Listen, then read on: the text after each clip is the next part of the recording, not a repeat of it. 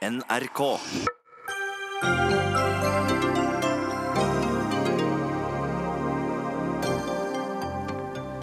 Frp-topp trekker seg fra alle verv i partiet, lekket sensitive opplysninger om partifølger i vanskeligheter.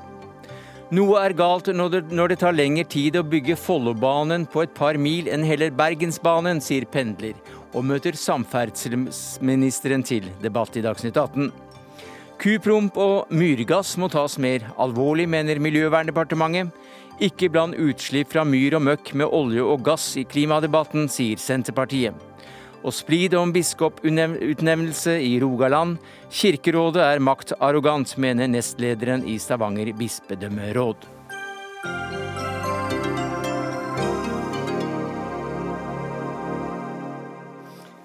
Ja, Det er noen av sakene i Dagsnytt 18 denne tirsdagen, der vi også hører Asle Toyes bekymringer for at gutter bruker så mye tid på dataspill. Gaming gir barna framtidas arbeidskompetanse, svarer professor i sosiologi. Men vi starter med nyheten om at Helge André Njåstad har trukket seg fra alle verv i Fremskrittspartiet. Årsaken er at han har lekket sensitiv informasjon fra partiets organisasjonsutvalg, altså det utvalget som skal håndtere saker som gjelder brudd på FrPs etiske regelverk. regelverk. Og Alf Erik Andersen, du er ordfører i Mandal kommune og sentralstyremedlem i Frp. Og du har tatt over for Njåstad i organisasjonsutvalget.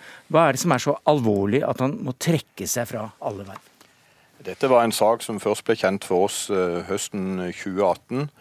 Og da konfronterte vi etter hvert Njåstad eh, med saken når vi så alvorlighetsgraden i saken.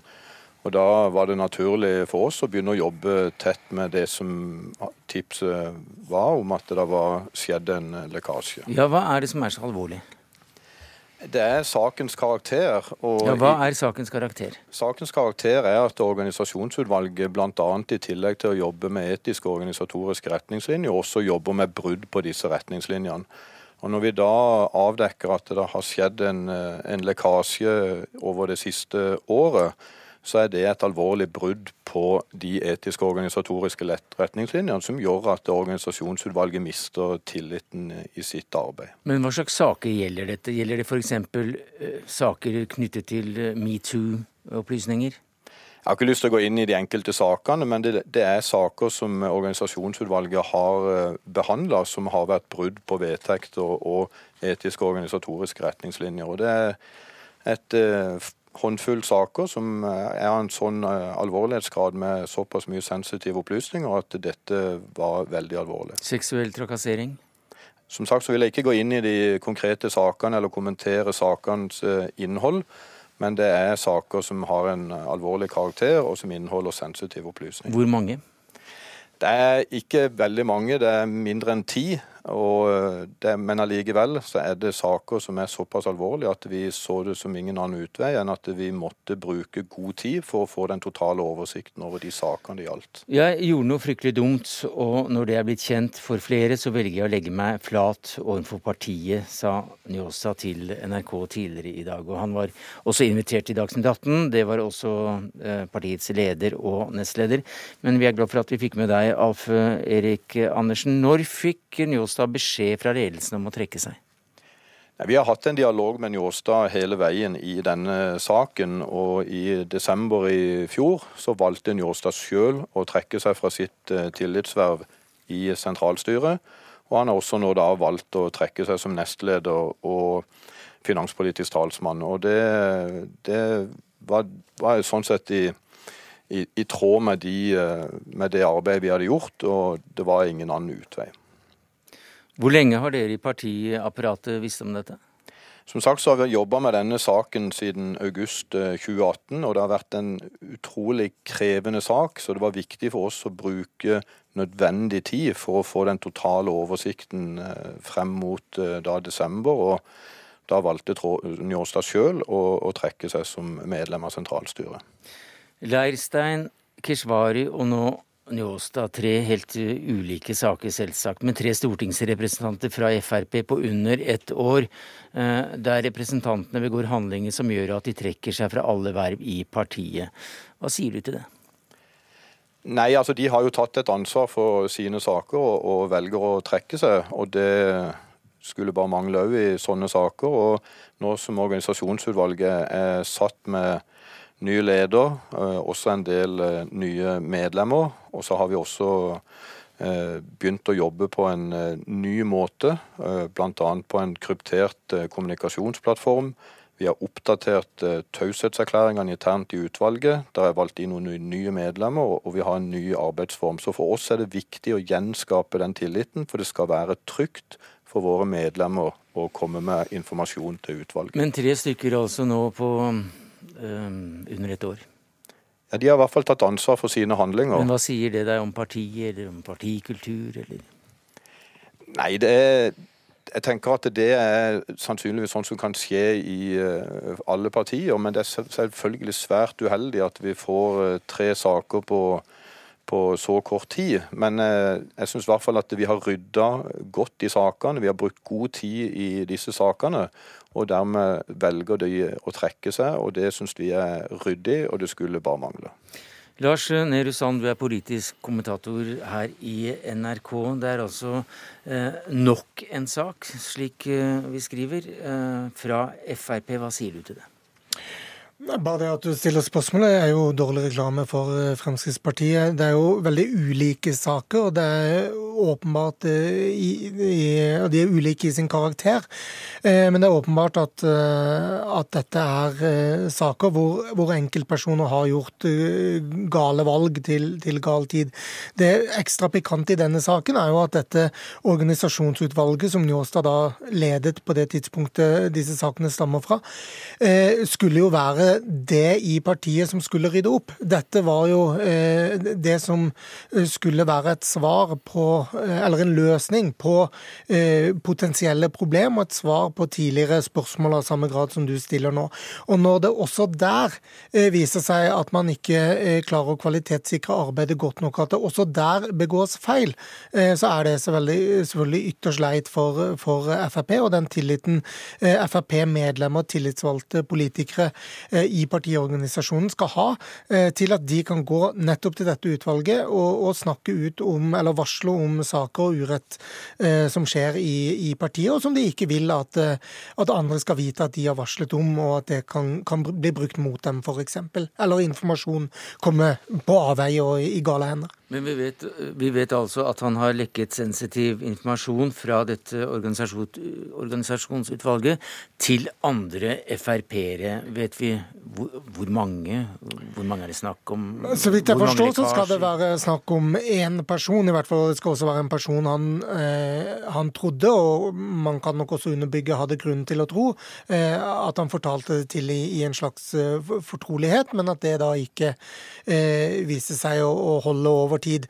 Eh, og det er selvfølgelig eh, Njåstads ansvar, eh, og, han kommer seg ikke rundt det. og Det er jo derfor han nå tar ansvaret på den måten han, han nå må, må, gjøre det. Men, men dette det er jo vanskelig å si at dette handler om en partikultur eller en, en eh, holdt på å si, alkoholkultur, eller måten man er sammen på og opptrer innad i, i, partiet på. Men det er jo eh, dette og reiseregninger og andre eh, spørsmål handler jo om at Frp-erne eh, skal ha tillit til de som er på Stortinget, de som eh, er i de ledende organene i partiet. og nok en gang får et eksempel på at det kunne man ikke ha. Frøy Gudbrandsen, du er politisk redaktør i Bergens Tidende. Hva slags eh, politiker har Njåstad vært for Frp? Um, altså her på Vestlandet hvert fall, har han vært en viktig politiker i, i mange år. Uh, han ble ordfører uh, i Austevoll veldig ung, som 23-åring, og har bygd seg opp til å bli en av de politikerne som man trodde skulle bli noe stort. Uh, og har markert seg og tilhører nok den mer tradisjonelle vestlands-Frp, som er mer opptatt av antistat enn anti-innvandring, kan man vel si. Ja, eh, hvordan vil du beskrive da det tapet man lider da på Vestlandet i Frp, når han trekker seg fra alle verv? Eh, nei, jeg tror uh, det, Ja, det er jo synd, åpenbart. Uh, og Søviknes har jo ikke sant, trådt tilbake fra rikspolitikken. sånn at det er klart det er et Han etterlater seg jo et hull, hvis man tenker litt sånn framover i tid. da. Hvem er det som skal bli den viktige Frp-eren fra Vestlandet fremover? Um, men det som også har kjennetegnet han, er at han har vært god til å snakke med begge sider. da. Eh, og det har gjort at han etter hvert har fått en veldig viktig posisjon i stortingsgruppa. Eh, og det har blitt trukket frem at det er en av grunnene til at han kanskje ikke eh, har blitt statsråd, nettopp at han har vært så viktig der han har vært. Da. Så han har jo virkelig nå rota det til for seg selv, og det er jo selvfølgelig veldig synd for flere enn han selv. Men du nevnte Søviksnes, også ordføreren i Os kommune, som jo også måtte trekke seg fra verv etter skandaler. Men han kommer jo veldig tilbake, også som ja, statsråd. Så alle broer er ikke brent med dette, kanskje? Nei da, eh, det, det, trenger det absolutt ikke å være. Men eh, han, er jo, eh, altså, han har jo nå i veldig mange år vært sett på som en uh, ung, lovende politiker. Og det er klart at dette er jo da uh, Hva skal jeg si Det ødelegger jo måte litt den karrierestigen han var på, kan man vel si. Eh, så, men eh, altså, hva som vil skje i fremtiden, vet man ikke. Men um, det er nå et, si, et, et, slag for den delen Frp også som han representerer. Uh, som synes dette med ja, frihet fra staten og næringslivet, uh, altså forholdene for næringslivet og den type ting, at, å legge mest vekt på de sakene, at den delen Frp kanskje litt blir svekka, og andre deler av partiet som, som kanskje blir styrka. Men, mm. Men han fortsetter jo da altså som stortingsrepresentant, Sam? Ja da. Eh, og ja, absolutt. Og det er jo altfor tidlig å si hvordan dette eh, vil påvirke hans karriere. Men at det er eh, negativt eh, nå, det er jo helt åpenbart, da. Eh, og, og, det er nok mange i partiet her på Vestlandet som syns dette her er eh, utrolig kjipt. Ja, Han trekker seg jo fra, også fra finanskomiteen, som var eh, et godt eksempel på den tilliten han eh, ble vist, og, og den allround politiske posisjonen og plattformen han, han hadde gjennom den eh, funksjonen. Nå skal han til arbeidskomiteen, hvis ikke jeg husker helt feil, og, og, og får en mer tilbaketrukken rolle eh, enn en han ellers eh, ville fått. I tillegg så mister han plassen sin i gruppestyret på, på Stortinget for Frp, og, og har jo Alle disse vervene er jo tingene han har, posisjoner han har fått, fordi han har vært uh, høyt respektert uh, ikke bare uh, der hvor folk kjente han best, på, på, Vestlandet, men også fordi han har gjort en viktig jobb i Oslo, i stortingsgruppa, som, som Gudbrandsen er inne på. Men jeg nevnte at han ikke trekker seg som stortingsrepresentant, men at Nei, det, det er faktisk ikke mulig. Nei. Nei. Hvorfor ja, det... ikke? Nei, Det er jo fordi at det er velgerne i Hordaland som har valgt han inn for fire år, og det skal verken partiene eller, eller andre eh, gjøre om på før, før, neste stortingsvalg. Han kunne selvfølgelig eh, blitt en uavhengig representant eh, hvis han ikke lenger vært medlem av Fremskrittspartiet som parti. Eh, men, men, denne forseelsen er jo ikke al alvorlig nok til det, og, og, han er jo en av flere stortingsrepresentanter da. Du har allerede nevnt eh, Keshvari, men det er jo også andre i andre partier som nå lider til den skjebnen at man, man, må øh, kanskje gå litt stille i dørene i ganske lang tid, da, siden det er eh, forholdsvis lenge igjen til stortingsvalget i 2021. Takk skal du ha, Lars Nehru Sand, politisk kommentator i NRK, Frøy Gudbrandsen, politisk redaktør i Bergens Tidende, og til deg, Alf Erik Andersen, ordfører i Mandal kommune. Dagsnytt 18 alle hverdager kl 18.00 på NRK P2 og NRK2.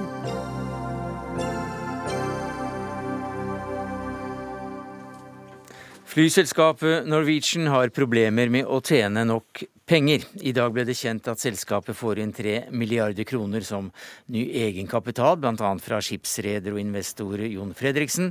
Verdien på selskapet er redusert med nesten eh, en tredel på ett år. Og Cecilie Langum Becker, du er økonomikommentator her i NRK.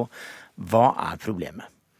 Altså, Norwegian det er jo på en måte egentlig en sånn fantastisk historie med en fantastisk eh, vekst. I 2008 så hadde de eh, 40 fly, og så var det 164 fly i fjor. Det er jo ganske sånn Det er jo ganske utrolig i lille Norge. Men så har man jo hatt et helt ekstremt fokus på denne veksten.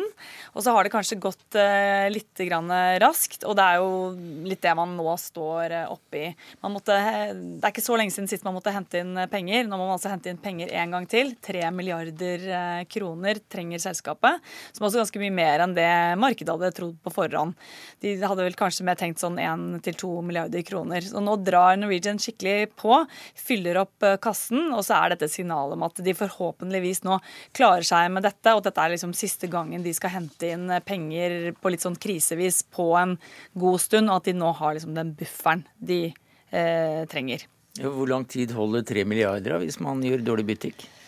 Ja, Det kommer an på hvor dårlig butikken er. Men er, planen til Norwegian nå er at dette skal være nok, og at de har den bufferen de trenger, og at selskapet skal være så solid da, at eh, kundene stoler på at Norwegian skal fly i all fremtid, og at eh, det er trygt å kjøpe billetter. og og så er vel også forhåpningen da, at markedet skal eh, være med dem igjen, og, og at, at, man skal ha liksom, liksom litt mer fremtidstro på Norwegian. Det er vel, det er vel håpet.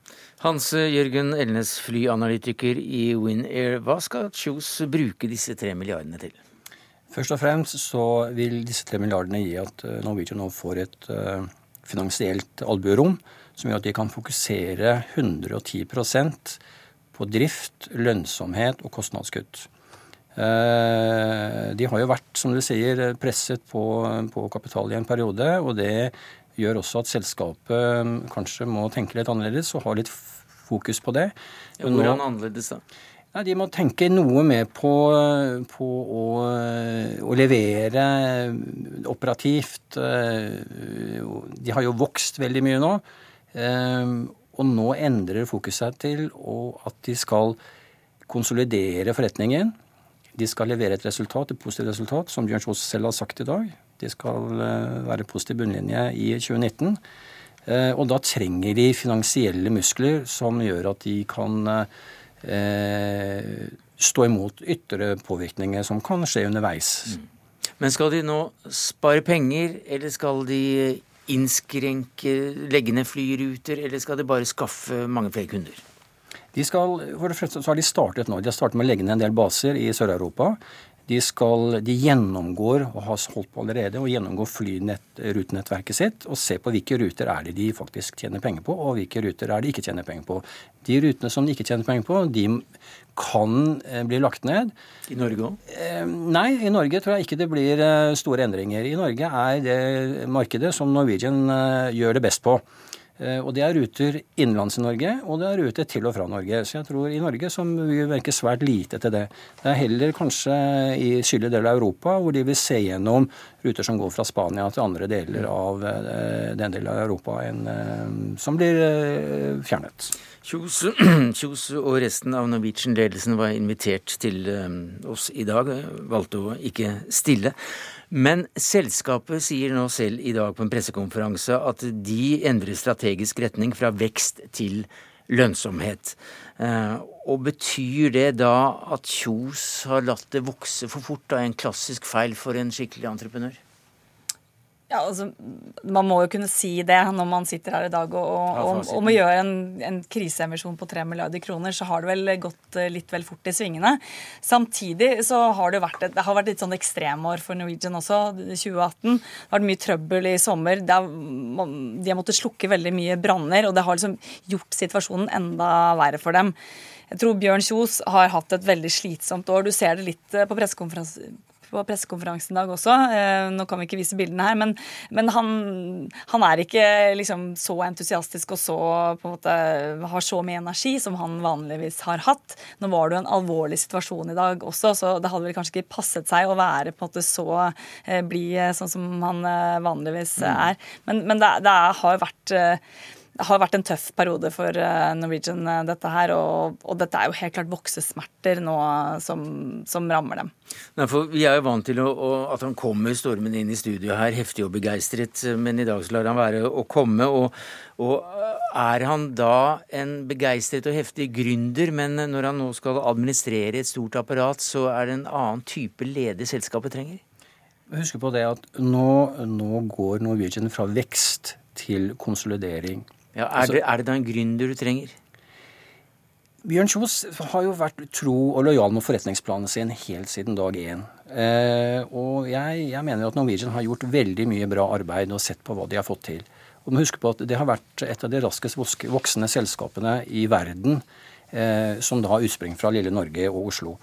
Eh, og det, Man snakker om at uh, de har hatt problemer. Jeg tror vi heller vil si det sånn at Norwegian har vokst så kraftig de siste årene, og det er så utfordrende å gjennomføre den veksten, spesielt på langdistanseruter, hvordan organisasjonen skal sette opp dette og få det til å fungere uten å tape for mye penger og gjøre mest mulig butikk ut av det.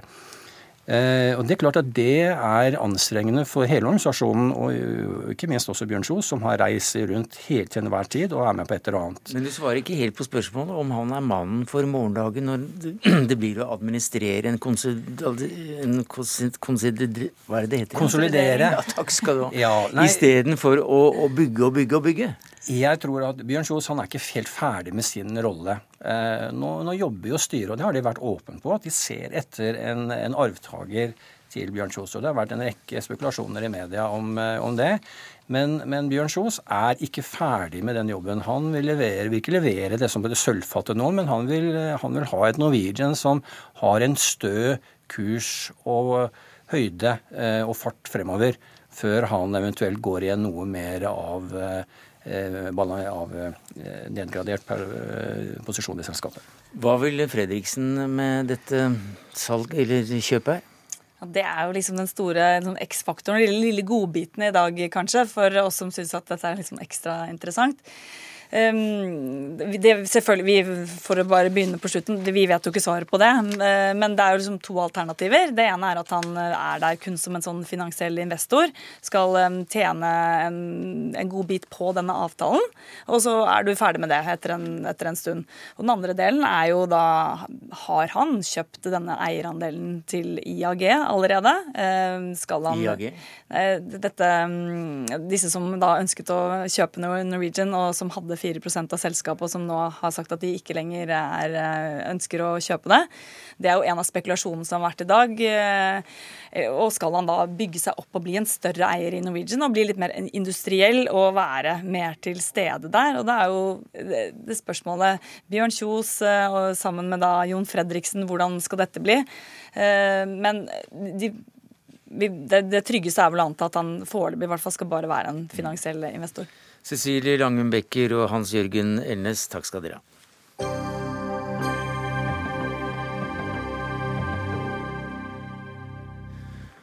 Før helgen ble Anne Lise Odnøy valgt som ny biskop i Stavanger. Det var det ikke alle som var eh, begeistret for. Mange ville ha prost Helge S. Gaard. Så stikk i strid med det Stavanger bispedømmeråd og biskopene ønsket, så overstyrte Kirkerådet både flertallet og innstilte Odnøy framfor Gaard. Og Jostein Odna, du er nestleder i Stavanger bispedømmeråd, og du skriver eh, som privatperson i Vårt Land at beslutningen til Kirkerådet provoserer og frustrerer. Hvordan da? I dette tilfellet så forelå det et så entydig og overveldende sterkt mandat i den um, rådgivende avstemningen i favør av Helge S. Gaard at uh, det er oppsiktsvekkende når tilsettende organ, altså Kirkerådet, velger å se bort fra det. Oppsiktsvekkende. Du har også kalt det maktarrogant? Ja, det er eh, opplevelsen som jeg og mange andre som har vært involvert i denne eh, prosessen, opplever. Eh, det er jo faktisk sånn at vi så nylig som for to år siden hadde forrige bispeutnevnelse i Stavanger. Og også den gang var det et overveldende mandat i favør av Helge S. Gaard. Eh, så når dette skjer igjen, eh, da oppleves det veldig maktarrogant at Kirkerådet eh, velger å se bort fra det som da de innstillende instanser i bispedømmet har som sin klare preferanse. Ja, Hvorfor gjør dere dette? Du er direktør i Kirkerådet, Ingrid Wahl Nilsen. Jeg tror vi må gå tilbake igjen til hvordan hele prosessen er. fordi det er Ikke hele prosessen, nei, men, men det er ganske en, kort. Det er, en, det er, en, prosess for å få valgt en biskop som er, er, ganske omfattende, og den er helt åpen. Og den består aller først av at uh, Jostein Odna og, kollegiet i, i, Stavanger de velger ut fem som de mener er godt kvalifisert til å være biskoper. Så er det en rådgivende avstemning uh, blant disse fem som blir til tre. Og når det er blitt til tre, så skal biskopene gi sin uttalelse, og så er det opp til Kirkerådet å velge blant disse tre etter at man har hatt intervju med disse tre. Så her har eh, Kirkerådet Eh, gjort det, som, det mandatet de har, det har de da fulgt, og, og tilsatt den de mener er best for Stavanger. Odna? Eh, jeg bestrider ikke da eh, sånn sett legitimiteten av vedtaket. Det er gjort da i samsvar med regler. Men det var jo også et veldig knapt flertall, 8-6. Så selv om jeg ikke har vært flue på veggen i Kirkerådets diskusjon, så Eh, viser jo da stemmetallene at eh, eh, dette har ikke vært noen entydig sak. Og da virker det altså veldig oppsiktsvekkende og provoserende på oss at et så overveldende votum i det rådet som blir gitt til Kirkerådet, ikke blir tatt til følge. Ja, jeg tar jo til etterretning at det er eh, en stemning hos en del i Stavanger. Så er det andre stemmer som er glad for det beslutningen som ble tatt. Den beslutningen er jo tatt, og da er det jo vårt ansvar, både Jostein Odla og mitt, som leder i denne kirken, eh, å virkelig gjøre dette til en beslutning som er god. Og så får vi ta diskusjonen i fortsettelsen Nei, den, den, diskusjonen den tar vi akkurat nå, og det er derfor du er her. Og når da eh, grasrota for så vidt i Stavanger da sier så klart at de anbefaler deg og Kirkerådet å ta en annen avgjørelse, men dere, det, for dem så virker det som dere kanskje blåser litt i det, og det er vel derfor makt og arrogant ord også er blitt brukt? Ja, eh, det er det helt sikkert. Eh, man hadde en forventning om å få en kandidat og fikk en annen. Men da vil jeg tilbake igjen til at den der hvor bispedømmerådet faktisk skal utøve mest myndighet, det er jo å velge fem som de sier alle er vel kvalifisert. Ja, men dere vet jo utmerket godt hvem de helst vil ha. Og den velger ikke dere. Mm. Eh, og det er slik valgordningen er, og ansettelsesmyndigheten er. Man har ulike roller i dette. Men er det så klokt? Det vil tida vise. Og det er derfor jeg tror at uh, nå, dette, nå, er denne beslutningen fattet, og så må vi ta den diskusjonen om hvor klokt er det å ikke følge det lokale rådet. Og det er en annen diskusjon. Nei, det er vel, vi, vi, vi, tar den diskusjonen nå også, for det er den vi står midt oppi. Er det ikke det, Odna, om, om dette er så klokt? Jo, Jeg vil gjerne si at eh, jeg eh, og hele bispedømmerådet vil forholde oss eh, konstruktivt og søke et så godt samarbeid som mulig med Annelise Ådnøy som ny biskop. Men samtidig så må Kirkerådet, som da det sentralkirkelige organ, her forstå at ved å sette til side to ganger på rad med to års mellomrom et entydig votum fra bispedømmet, det undergraver eh, kirkedemokratiet. Eh, det virker demotiverende på mennesker som eh, til nå har stilt til disposisjon for det kirkelige demokrati i menighetsråd, som tar imot saker fra Kirkerådet til høringer osv. Og jeg har allerede fått da mange meldinger fra personer i slike, i slike verv som sier har det noen eh, hensikt at eh, vi gjør det? Folk er matte og frustrerte. Ja, og det er leit å høre. Selvfølgelig er det det. Vi har ingen å miste. Vi ønsker å beholde engasjement og motivasjon eh, på grasrota. Uten det så har vi ingen kirke. Eh, og jeg tror at det vi nå møter eh, og må ta diskusjoner på, helt åpenbart, det er at vi er i ferd med å finne nye sko etter at staten hadde disse eh, avgjørelsene. Og jeg tror at noe av det som skjer nå, er at vi ser at Staten hadde sterkere rygg til å bære upopulære avgjørelser enn det Kirkerådet har. Men det er litt voksesmerter dette her i en begynnerfase? Det er i hvert fall en Jeg tror at vi må kontinuerlig etter hver eh, avgjørelse som tas, så må vi jo vurdere eh, klokskapen mm. i dem. Og vi må også vurdere om hva er det som er annerledes med å være en kirke uten at staten på en måte er der og tar avgjørelsene for oss. Men Odna, eh, De har jo fullstendig rett da, til å gjøre det de gjør, det sier du også. Men hva er det da som ligger bak her når det gjelder frustrasjonen? Er det også at det er en annen type leder? Altså Er dette også en strid mellom retninger i kirken, mellom de liberale og de mer konservative kristne? Eh, som nestleder i bispedømmerådet så kjenner jeg jo prosessen veldig godt. Eh, og eh, jeg er ikke i stand til å identifisere da eh, noen så store mangler ved Helge Gaards kvalifikasjon. til at jeg kan da gjette meg til at det er de som har slått ut i hans disfavør. Ja, F.eks. syn på homofili? Ja, men altså, og, det, og det, Da er min uh, gjetning uh, at uh, her er det kirkepolitiske og teologiske preferanser hos flertallsgruppen i Kirkerådet som har slått inn. det er andre teologiske grupperinger som står sterkest i vårt bispedømme. Og eh, det er sikkert også da reflektert uh, i mm. det resultat som vi fikk. og det synes jeg er maktarrogant, hvis det da er slike ting som har spilt inn, og det er i strid med de signalene som Åpen folkekirke har gitt i Kirkemøtet og i andre sammenhenger om respekt for mangfold i Kirken. Eh, gang på gang så opplever Stavanger bispedømme at de synes eh, vi innstiller for konservative personer, og så eh, velger de noen andre som de selv har preferanse for. Eh, når det gjelder hva som skjedde i argumentasjonen for kandidatene, så skjer det i et lukket rom, og det gis ikke begrunnelse. Det gis et stemmetall, og sånn er det. Jo, men det, det, det skinner litt igjennom her at dere har forskjellig syn på f.eks.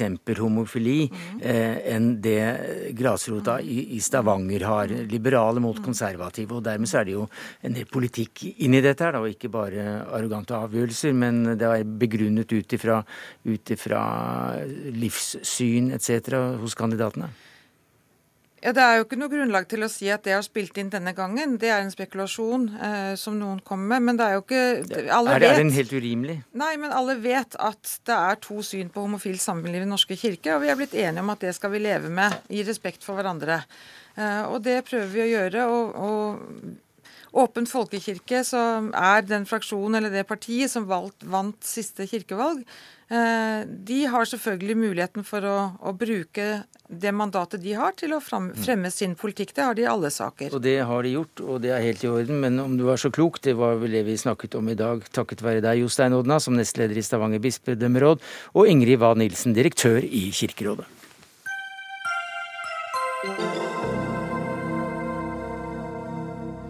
Senterpartiet mener at vi må redusere utslipp av klimagasser men partiet aksepterer ikke at utslipp fra produksjon av mat skal vurderes etter de samme prinsippene som gjelder for forbrenning av olje eller kull. Og hvorfor ikke det, Geir Pollestad, du er leder i Stortingets næringskomité? Det er ganske enkelt å forklare. Det er bruken av kull, olje og gass som har skapt eh, klimaendringene. Eh, da mener jeg at eh, det enorme fokuset som nå er på jordbruket, som står for 8% av Norges eh, klimagassutslipp, som har hatt en nedgang i eh, klimautslippene siden 1990.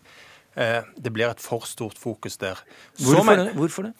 Jo, for det som, Når en truer med f.eks. å innføre avgift på de såkalte biologiske prosessene, så vil det bare bety at en flytter produksjon fra Norge og til utlandet, sånn at utslippene samla sett ikke vil gå ned. Jeg mener det beste vi kan gjøre for klimaet, det er å bruke beiteområdet vårt, gresset vårt, til å produsere mat i Norge. Sveinung Rotevatn, statssekretær i Miljøverndepartementet for Venstre. Du tvitrer eh, at eh, det Pollestad sier rett ut, er en klimafornekting. Ja, fordi eh, Hvis det var slik at Senterpartiet bare mente at OK, vi får la disse klimagassutslippene i landbruket være, vi konsentrerer oss om de andre, så er det for så vidt greit nok. Altså, det er jo en prioritering. Så skal det sies at de gjør veldig lite på andre områder, men, men la det ligge. Men, men, det var jo ikke det Geir Pollestad sa. Det han sier, er jo at metangassutslipp, som er en veldig viktig del av utslippene for jordbruket, det skal ikke du telle med. Det skal ikke du rekne om til såkalte CO2-ekvivalenter. Og det mener jeg omtrent er en form for klimafornekting. For det vi er vant til å tenke på som klimafornektere, det er jo de som sier at CO2-utslippene våre det påvirker ikke klimaet vårt. Det er liksom klimafornekting. Men metangassutslipp er også en veldig viktig klimagass. Og når Senterpartiet da sier at nei, det vil ikke de regne med når du skal uh, drive med klimapolitikk, så er det faktisk å fornekte både det som FNs klimapanel sier, det som er våre gjeldende klimamodeller, og det som er en viktig del av vår strategi for å få ned utslippene i Norge. Jeg syns det er veldig uheldig at Rotevatn har sånn behov for å stemple folk og kalle oss eh, klimafornektere, for det er ikke realiteten i det hele. Det jeg har sagt Jeg har, ikke sagt at, eller jeg har sagt at metan skal fortsatt telle med, men det er et faktum at metan har kortere levetid i atmosfæren enn eh, f.eks. CO2. Og Det mener jeg at det bør være grunn til å eh, diskutere. Men selvsagt så skal landbruket redusere sine eh, klimagassutslipp. Jeg tror det er en veldig stor vilje blant norske bønder til å bidra til klimadugnaden. Men det jeg er opptatt av, det er at vi skal se på hvor mye slipper vi ut per biff, per liter melk. Altså Det skal være utslipp per produsert enhet som er målestokken for om en lykkes med, nei, med klimapolitikken i eh, landbruket. Når regjeringa nå truer landbruket med eh, ei biffavgift, ei klimagassavgift, eh, så mener jeg det er veldig uheldig, og det blir en for stor likestilling mm. av det som er biologiske, naturlige prosesser, og det som har skapt klimaendringene, nemlig vårt enorme ja. forbruk av fossile kilder. For mat må man ha. Altså, alt det Geir Pollestad nå sier, er jo å slå inn åpne dører. Fordi at i våre klimamodeller så tar en jo hensyn til at metangass og CO2-gass er ulike gasser med ulike effekter. Det er det korte kretsløpet, det lange kretsløpet. Så Vi skal ikke gå inn i detaljene, men poenget er at alt det han sier, er sånn vi regner i dag. Så hvis han er fornøyd med alt vi regner med i dag, så er det greit. Men det er ikke det han har hevda før i debatten. Og så er det ganske viktig å understreke at det er ikke slik at vi løser klimautfordringer med å ta tiltak i én sektor. Vi løser ikke klimautfordringer med å bare snakke om landbruket. Nei, men det, det, er landbruket vi snakker om nå. Og, ja, og, og, det vi snakker om, det er metangassen som altså kommer bl.a. Når, du, når du vender myrer og, og, har husdyr som raper og, promper etc. Eh, det er faktisk ganske store mengder metan. Og har jeg forstått det riktig, da hvis metan har eh, en kort eh, levealder i atmosfæren, eller hvor det, hvor det holder seg, men så blir omgjort til CO2 så er det vel naturlig å snakke om CO2 også? Ja, metan er en veldig sterk eh, klimagass, det er vi veldig enige om. Men den har kortere eh, levetid. Men det jeg mener er viktig å skille mellom, det er utslipp fra fossile kilder og eh, biologiske prosesser. Og Det er den debatten jeg eh, ønsker å eh, reise, og det er det jeg mener at eh, regjeringa kjører for hardt på jordbruket. Hvis du ser på utviklinga, så har antall kyr i Norge gått ned utslippene for jordbruket har eh, gått ned. Eh, og så mener jeg at eh, det regjeringa må gjøre, det er f.eks. å satse mer på forskning, sånn at vi kan produsere kjøtt og melk med lavere utslipp. Og så må en gå inn på hver enkelt gård og se hvordan kan vi redusere utslippene. Men regjeringa sitt svar i regjeringsplattformen det er å sette opp en trussel om at hvis ikke vi får til det avtalen vi vil, mm. så skal det komme en avgift. Og en sånn klimaavgift, det vil ikke du ha. Det er vi imot. I dag er det jo fritak for godt som alle klimaavgifter i landbruket. Og Det vi nå driver på med, er at vi er i dialog med landbruket sine organisasjoner om å få dem til å forplikte seg til å redusere klimagassutslippene i sin sektor. De er betydelige. Det er 8 av norske klimagassutslipp. Det er mer enn i luftfarten f.eks. Eh, men vi sier òg at hvis vi ikke får en sånn enighet, ja, da må vi begynne å ha høyere avgifter, slik at dette løser seg på den måten. For vi må løse det på en eller annen måte. Vi skal redusere norske klimagassutslipp med 40 innen 2030, som vi har forplikta oss til etter Parisavtalen. Da må landbruket bidra, da må veitrafikken bidra, da må luftfarten bidra, da må fiskeri bidra, da må olje og gass bidra. Alle må redusere litt. Eh, og Da syns jeg at det blir veldig passivt av Senterpartiet å si at vi skal unnta landbruket totalt. Og når de i tillegg vil senke avgiftene på bensin og diesel med en milliard kroner. Da de er mot flyseteavgift, de er mot alt det andre. Så er det ikke for noen ting. Det er jo det som er problemet her. Det tror jeg, eh, Hvis en går inn på summen av, eh, av klimatiltak, så tror jeg at uh, Senterpartiet ikke står tilbake for noen andre eh, parti. Og også jordbruket betaler jo eh, CO2-avgift på den dieselen som en bruker. Det er viktig å være klar over. Og dette er ikke noe som bare Senterpartiet mener. men før jul, så når Stortinget behandla statsbudsjettet, så var det faktisk alle partier, unntatt SV, som sa at det ikke var aktuelt med å innføre avgift på biologiske prosesser. Så har han nå forhandla flertallsregjering, og så kommer han tilbake med en ny konklusjon og den samme trusselen som et stort flertall på Stortinget så sent som i desember sa nei takk til. Og jeg mener at regjeringa burde hørt på det rådet og det som Stortinget da sa. Du vil nærme oss slutten her, men dreier dette seg egentlig om selvforsyningsgrad, uh, matsikkerhet mot klimamål? Nei, det vil ikke jeg si. Eh, fordi i Norge i dag så har vi um, rikelig med kjøttproduksjon, faktisk så mye at det ligger på lager mye av det. Mens selvforsyningsgraden innenfor f.eks. grønnsak og korn osv. den har gått ned. Fra 1989 til i dag så har altså gjennomsnittsnordmannen gått fra å spise 53 kilo kjøtt i året til 77 kilo kjøtt i året, med eh, dertil følgende klimagassutslipp. Dersom vi bare fulgte det enkle rådet fra Helsedirektoratet for sammensetning av kostholdet vårt, så hadde vi redusert våre utslipp med 2,7 million tonn de neste ti åra. Så hvis vi gjør det så enkelt, så kan vi komme ganske langt. Det går også sakte, men sikkert riktig vei, da, at man slipper ut mindre og mindre hvis man går over fra storfehold til, eh, til uh, grønnsaker. Jo, men Jordbruket har gjort en stor jobb med å redusere utslipp, og jeg tror de kan uh, redusere de ytterligere. Men en avgift på produksjon av mat vil føre produksjon ut av landet, og det vil svekke vår selvforsyningsgrad. Og Derfor er Senterpartiet kritisk til det. Takk skal du ha, Geir Pollestad, stortingsrepresentant for Senterpartiet, og Sveinung Rotevatn, statssekretær i Miljødepartementet.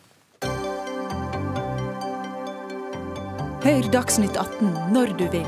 Radio NRK Radio.nrk.no.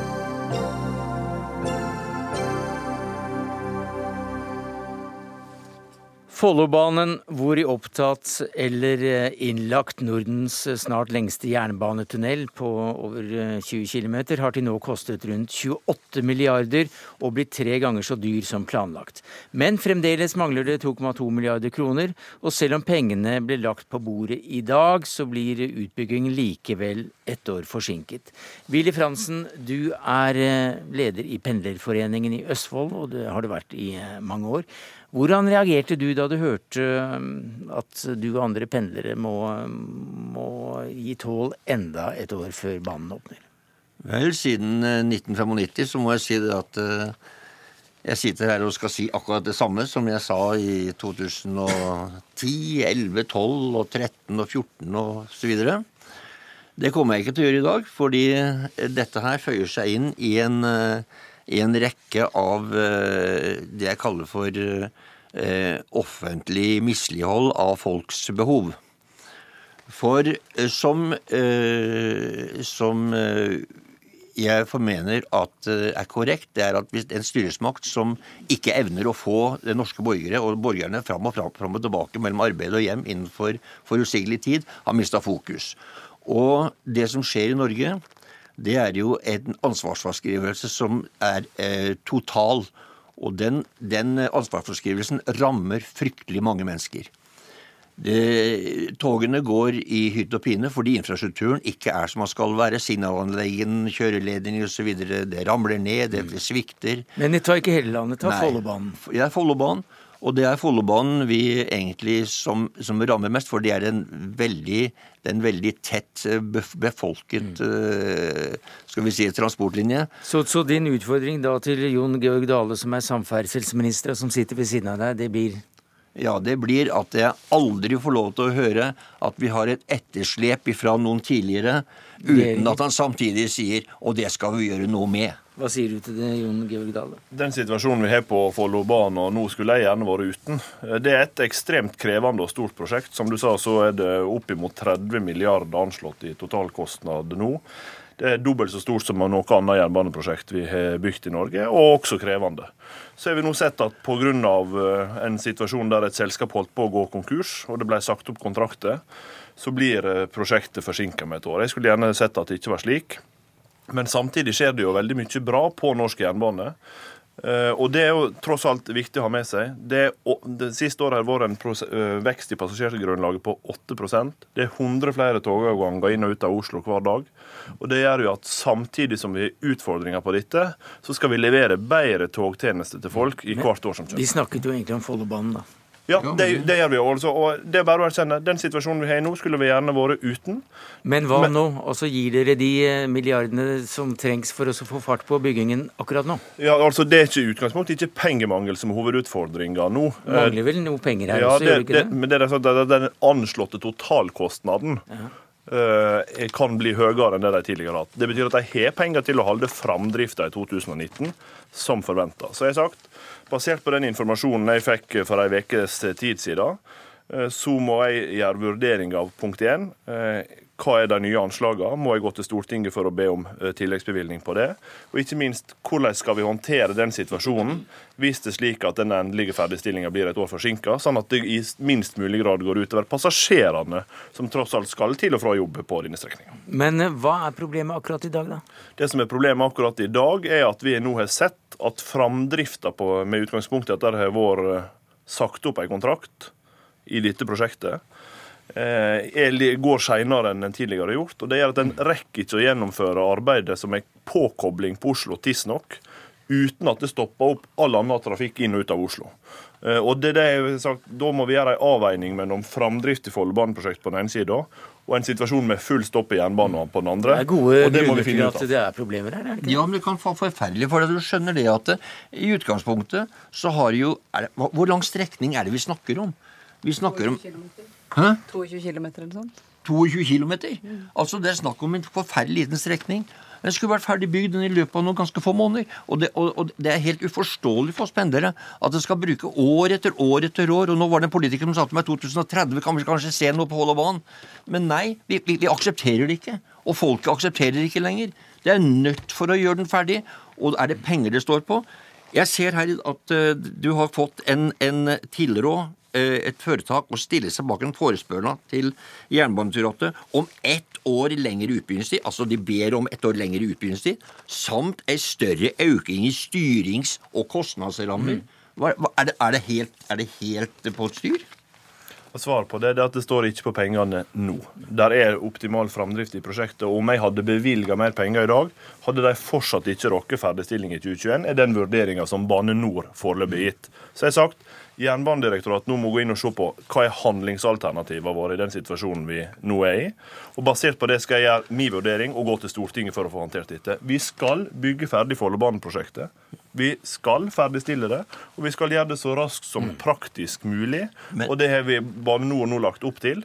Dessverre blir det, ser det ut til å bli et år senere enn eh, tidligere planlagt, men vi skal iallfall gjøre det vi mm. kan for å holde fram. Jon Georg Dale, du godtok at det skulle bli to mot én i studio i dag, og den andre motparten du har fått, det er Tonje Brenna, gruppeleder for Arbeiderpartiet i Akershus fylkesting. Din partileder Jonas Gahr Støre kalte dette prosjektet helt uten styring og kontroll. Hva sier du? Altså Det kan jo virke som at regjeringa har mista målet for øyet, som jo er å gi folk bedre, flere avganger og mer presise avganger, når de bruker energien sin på å stykke opp selskaper, eh, eh, dele opp prosjekter som gjør det vanskeligere å styre de, ha altfor mange, eller stor andel av prosjektene med innleid arbeidskraft. Eh, og problemene bare står i kø for denne type prosjekter på denne størrelsen. Hoved Problemet med den type organisering er jo nettopp, som Pendlerforeningen også er inne på, ansvarspulveriseringen. Vi som politikere vi inngår en form for kontrakt med velgere, som også er pendlere, når vi stiller til valg, hvor vi sier at vi skal levere disse tjenestene. Og så istedenfor å bruke energi på å levere, så bruker de energi på å stykke opp selskapene. Det er jeg veldig skeptisk til. Jeg mener det er helt feil bruk av energi. Og det viser jo egentlig igjen i nok en sak at regjeringa ikke tar pendlerne på Østlandet på alvor. Arbeiderpartiet bestemmer seg for hva som er svaret, før de vet hva som er problemet hovedutfordringa og grunnen til at vi gjennomfører jernbanereform, er jo at faktisk de ulike selskapene skal få konsentrere seg, bygge opp kompetanse på et kjerneområde. Bane NOR skal bli bedre på utbygging og drift og vedlikehold, fordi de ikke skal drive med å eie tog. Fordi de ikke skal drive med å utvikle eh, helhetlige reiser, for det vil andre selskap som. Så disse kontraktene, Deler av disse kontraktene var jo inngått før jernbanereformen var satt i gang. Og det er hele poenget med jernbanereformen. det er at Vi skal reindyrke og bygge kompetanse i disse selskapene, så vi unngår å havne i sånne situasjoner igjen. Ja, det... Mens Arbeiderpartiets oppskrift er jo å vende tilbake igjen til det som har mm. gitt oss disse utfordringene i flere tiår. Det... Og det er jo åpenbart feil svar. Ja, Det er veldig fint at du mener at de kan spisse fagmiljøene på det området, men allikevel så er jo hovedproblemet fortsatt at folk ikke kommer seg til og fra jobb. Og det kan jo høres ut som at ett år eh, i det store bildet og i den lange sammenhengen som også Pendlerforeningen trekker opp, at ett år ikke er lenge. Men eh, jeg snakker med folk som må planlegge for å ta tog en halvtime time tidligere begge veier for å rekke barnehage og rekke jobb. Det er i løpet av et år grovt regna 460 timer hvor de venter på toget ekstra fordi at uh, denne situasjonen har oppstått. jo, men disse, disse tingene de oppsto jo da under den gamle modellen som også Arbeiderpartiet var med og, styrte før oppsplittingen til uh, ulike selskaper etc. Ja, altså, så du kan ikke skylde på det. Nei, men jeg mener at det er litt uinteressant, egentlig, hvem som er i hvilken modell. Poenget er at problemet er der fortsatt, og vi bør søke å løse det. Men hvorfor ja, nevnte du da, hvis det er uinteressant? Nei, fordi jeg har, søkt, jeg har stilt to hovedutfordringer til statsråden. Eh, enten bør han bidra til at billettprisene reduseres for de som nå ikke får levert den tjenesten mm. de har venta på, eller at man bidrar med å sette opp flere busser. Fordi alle vi andre som driver med eh, planlegging av trafikk og samferdsel i dette området. Vi prøver jo å levere til et tog som nå blir forsinka, så vi må jo prøve å jobbe sammen her for å løse situasjonen som har oppstått. Jeg skal svare på det, men dette viser jo hva Arbeiderpartiet er jo, eh, skyter jo spurv med kanoner. Først var altså problemet at det var oppstykking. Så når en finner ut at det var ikke det som var problemet likevel, så var problemet at de ikke fikk folk på jobb.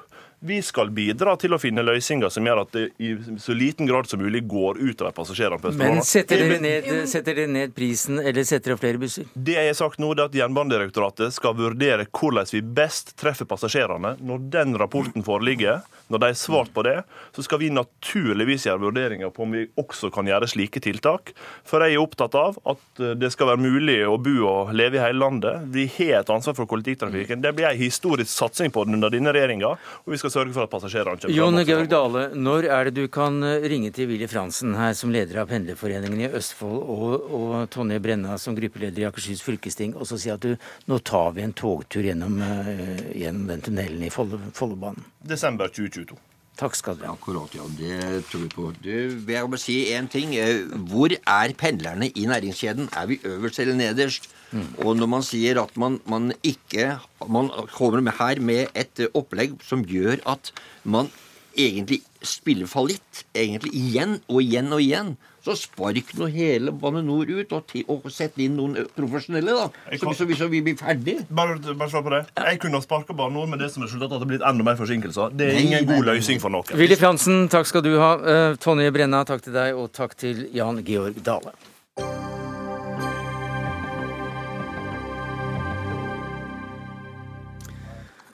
Så til eh, foreldrenes eh, bekymring for eh, barna våre. Og i denne runden for all den tiden som særlig da gutter bruker på dataspill. Utenrikspolitisk forsker og far Asle Toje, du skrev i Morgenbladet om hvordan en skole tilpasset jenter får gutter til å flykte inn i dataspill, såkalt gaming, da, og mener at vi foreldre nå må ta grep om barnas skjermtid. Hvorfor bør da særlig gutter Eh, spille mindre eller game mindre. Det vi ser er at Norske barn og ungdom ligger helt i verdenstoppen når det gjelder bruk av skjerm. Eh, både jenter og gutter er høyt oppe, men gutter ligger i forkant. Og det er fordi de spiller mer TV-spill. Og Det er i seg selv ikke så veldig problematisk, men det vi ser er at dette sammenfaller med at guttene i Norge gjør det dårligere på skolen. Og spesielt gutter fra lavutdannede eh, hjem sliter og faller av, faller av lasset og at dette er knyttet til gaming. Og det jeg forsøker å oppmuntre til, er at dette er ikke så vanskelig å løse. Man må bare sette restriksjoner på det. Man kan ikke ha fri flyt. Og man må sørge også for at eh, ta vare på guttene våre, og se til at eh, spesielt fedrene stiller opp og ser til at guttene får seg den skolegang som de trenger, og at de får de sosiale evnene gjennom å være sammen med andre barn, og ikke bare låse seg inne på gutterommet og game. For så mye gaming, det er skadelig? Eh, det er jo det som er den store internasjonale diskusjonen nå. Ikke sant? Pågår i Kina, pågår i USA, pågår i, i, også i Norge. Vanskelig å si hvor grensa ligger. Amerikanske barneleger mener at barn ikke bør bruke mer enn to timer på skjerm om dagen. Lykke til med det, sier jeg. Jeg har tre barn. Veldig vanskelig. Kanskje vil gå for toåringen. Arne Krokan, du er professor i sosiologi og statsvitenskap ved NTNU, og du er opptatt av hvordan ny teknologi endrer samfunnet. Du har skrevet boka Smart læring, blant annet.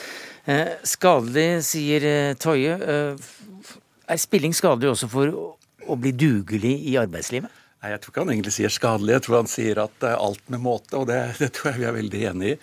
Men, men, det man har sett, er jo at det har vært eh, veldig mange feiloppfatninger om hva, hva, spill er, og hva spilling er. I denne boken som hadde mye offentlig oppmerksomhet for noen år siden, 'Digital demens', så skriver forfatteren at World of Warcraft er et krigsspill, f.eks. Eh, de som spiller det, vil nok si at det er et strategispill for grupper, og det er ganske stor eh, forskjell. Og når man har, når man har forsket f.eks. For på det spillet der, allerede for ti år tilbake siden, så, så, forsket man på hva slags lederegenskaper man fikk av å spille den type spill eh, i grupper sammen med andre mennesker på nett. Og Konklusjonen var at de fikk omtrent de samme lederegenskapene som å være sammen med mennesker ansikt til ansikt. Og Forskerne sa til og med det at hvis du vil se hvordan framtidens arbeidsliv kommer til å fungere, så skal du se på hvordan de spillerne samarbeider på digitale plattformer gjennom disse spillene her. Så det er eh, to sider, minst, av dette spørsmålet om gaming og tid også, da. Så en del, av, en del, av, tiden man bruker på gaming og spill, det er faktisk ganske nyttig. Du, du, du er med i prosesser som styrker deg i i arbeidslivet? Ja, Du kan jo bare tenke deg, altså Hvis det er en 20-30-40 mennesker som skal koordinere aktivitetene sine, så må dette planlegges. Noen må lede dette her. Eh, de beste teamene eller gildene de har kjørt debrifing etter at de er ferdig med oppdraget sitt. altså Hvor de går gjennom og ser hva eh, kunne de gjort bedre, hvordan skal de forbedre seg til neste gang. Og Du kan jo bare spørre rundt omkring på norske arbeidsplasser hvor mange som kjører debrifing etter at de har utført en arbeidsoppgave. Mange lærere i norsk skole er som gjør det, f.eks. Eh, og går inn til kollegaene sine og diskuterer hva skal de gjøre bedre, bedre neste mm. gang. Så eh, jeg tror at det er mange sider av dette her som man absolutt kan plukke med seg, og som gjør en del av dem som spiller, også spiller mye, ganske kompetente for framtidige arbeidsoppgaver. Så så bekymret er det da ikke nødvendig å være? Nei, altså til dette så kan man også legge at uh, når skolen har blitt så feminisert som det den har, så er dette et frirom for gutter hvor maskuline impulser ikke er et handikap som de skal læres av med. Den kan vi men, ta senere. Nei, nei, selvfølgelig, men dette er jo et sted også hvor man får utløp for, uh, for uh, konkurranse, hierarki, mm. aggresjon og disse tingene her. Så det er ikke nødvendig i seg selv negativt. Problemet er at en gruppe barn og unge bruker altfor mye tid på dette. Og det går på bekostning av skolegang, og på bekostning av venner og på andre interaksjoner, eh, fritidsaktiviteter, som gjør oss til hele mennesket. Og dette er også evner som man trenger. Det holder ikke bare å kunne strategi, man må også lære en hel del andre ting for å være et velfungerende voksent menneske. Mm. Hva slags løsninger er det vi kan se for oss da? Det jeg foreslår, er at eh, man skal ikke vente på staten her. Eh, vi, I Kina så ser vi at man har blitt så urolig fra kommunistpartiets side at man nesten sluttet å, å, å, å slippe til nye dataspill. Og dataspillgigantene har da svart med restrik egne restriksjoner, sånn at barn ikke får spille mer enn så og så mange timer. Store debatten i Davos i år var på Facebook om Facebook skal finne lignende eh, måter å begrense den tiden folk bruker på plattformen. For de ser at eh, på samme måte Facebook kan også være en veldig fint sosialt verktøy med måte. Uh, og jeg tror at uh, Min appell er at foreldre må bare finne de appene som, uh, som ikke er vanskelig å finne, som begrenser dette. Så avtaler man hvor mange timer som det er lov til å bruke, og så stenger Xboxen eller iPaden eller hva man bruker seg av. Og det er den enkle løsningen. Det er nesten skuffende lett. Krugan. Ja, det kan man si, men eh, samtidig så er det noe med, med å skape et samspill mellom barn, ungdom og, og voksne og, og, disse foreldrene her også. Fordi vi har vært i en situasjon nå hvor veldig mange foreldre egentlig ikke har skjønt hva denne spillingen innebærer. Eh, at man faktisk har et sosialt nettverk, at man har relasjoner til andre mennesker, at de relasjonene pågår over lang tid. At man snakker engelsk eh, i sanntid med andre spillere som du skal koordinere aktiviteter med i noen av disse spillene her. Så det, så det er mange sider av dette her. Så jeg tenker at eh, det å greie å sette seg inn i hva denne spillingen innebærer, er én side av det. Ja, det er ikke så lett. Det er jo mange som er opptatt opptatt av denne problematikken. Denne NRK-saken, eller det vi skrev om, om, om, gutten som døde. Han hadde gamet, spilt så mye at foreldrene var svært bekymret. De, de, ble veldig overrasket da de fikk hilsninger fra hele Europa eh, i, i, begravelsen. Det var 950 000 mennesker, 950 000 mennesker som har, som har lest den artikkelen. Så dette er vi opptatt av. Ja, men så har man også den store debatten som går i Psychology Today, der man ser at eh, mangel på mentalt velvære er tiltagende blant mange ungdomsgrupper. At dette er knyttet til overdreven skjermtid. Eh, mange ulike teorier omkring dette.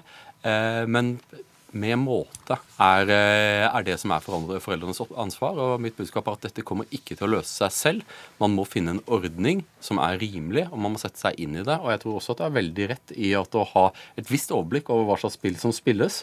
Selv om jeg, må, jeg har en åtteåring, det er veldig vanskelig å holde tritt med hvilket spill som spilles denne uken, og hva som målet er og sånne ting. Eh, men vi, jeg mener at spesielt fedrene må kjenne sin besøkelsestid. Vi må ta vare på guttene våre. Eh, helt kort til slutt, eh, Hvilket spill vil du anbefale hvis eh, du har lyst til at ungen din skal bli utenrikspolitisk forsker? Ah, det, det, tror jeg jeg må overlate til Asle å, å, svare på det. Ja, Det er et enkelt svar. Det var 'Civilization'. Takk skal eh, dere ha, Asle Toje, utenrikspolitisk forsker og kommentator. Arne Krokan, professor, Institutt for sosiologi og statsvitenskap ved NTNU. Det var det vi rakk i Dagsnytt 18 denne tirsdagen. Ansvarlig for det hele var Fredrik Lauritzen. Det tekniske ansvaret hadde Eli Kyrkjebø. Jeg heter Sverre Tom Radøy. I morgen høres vi med Espen Aas som programleder.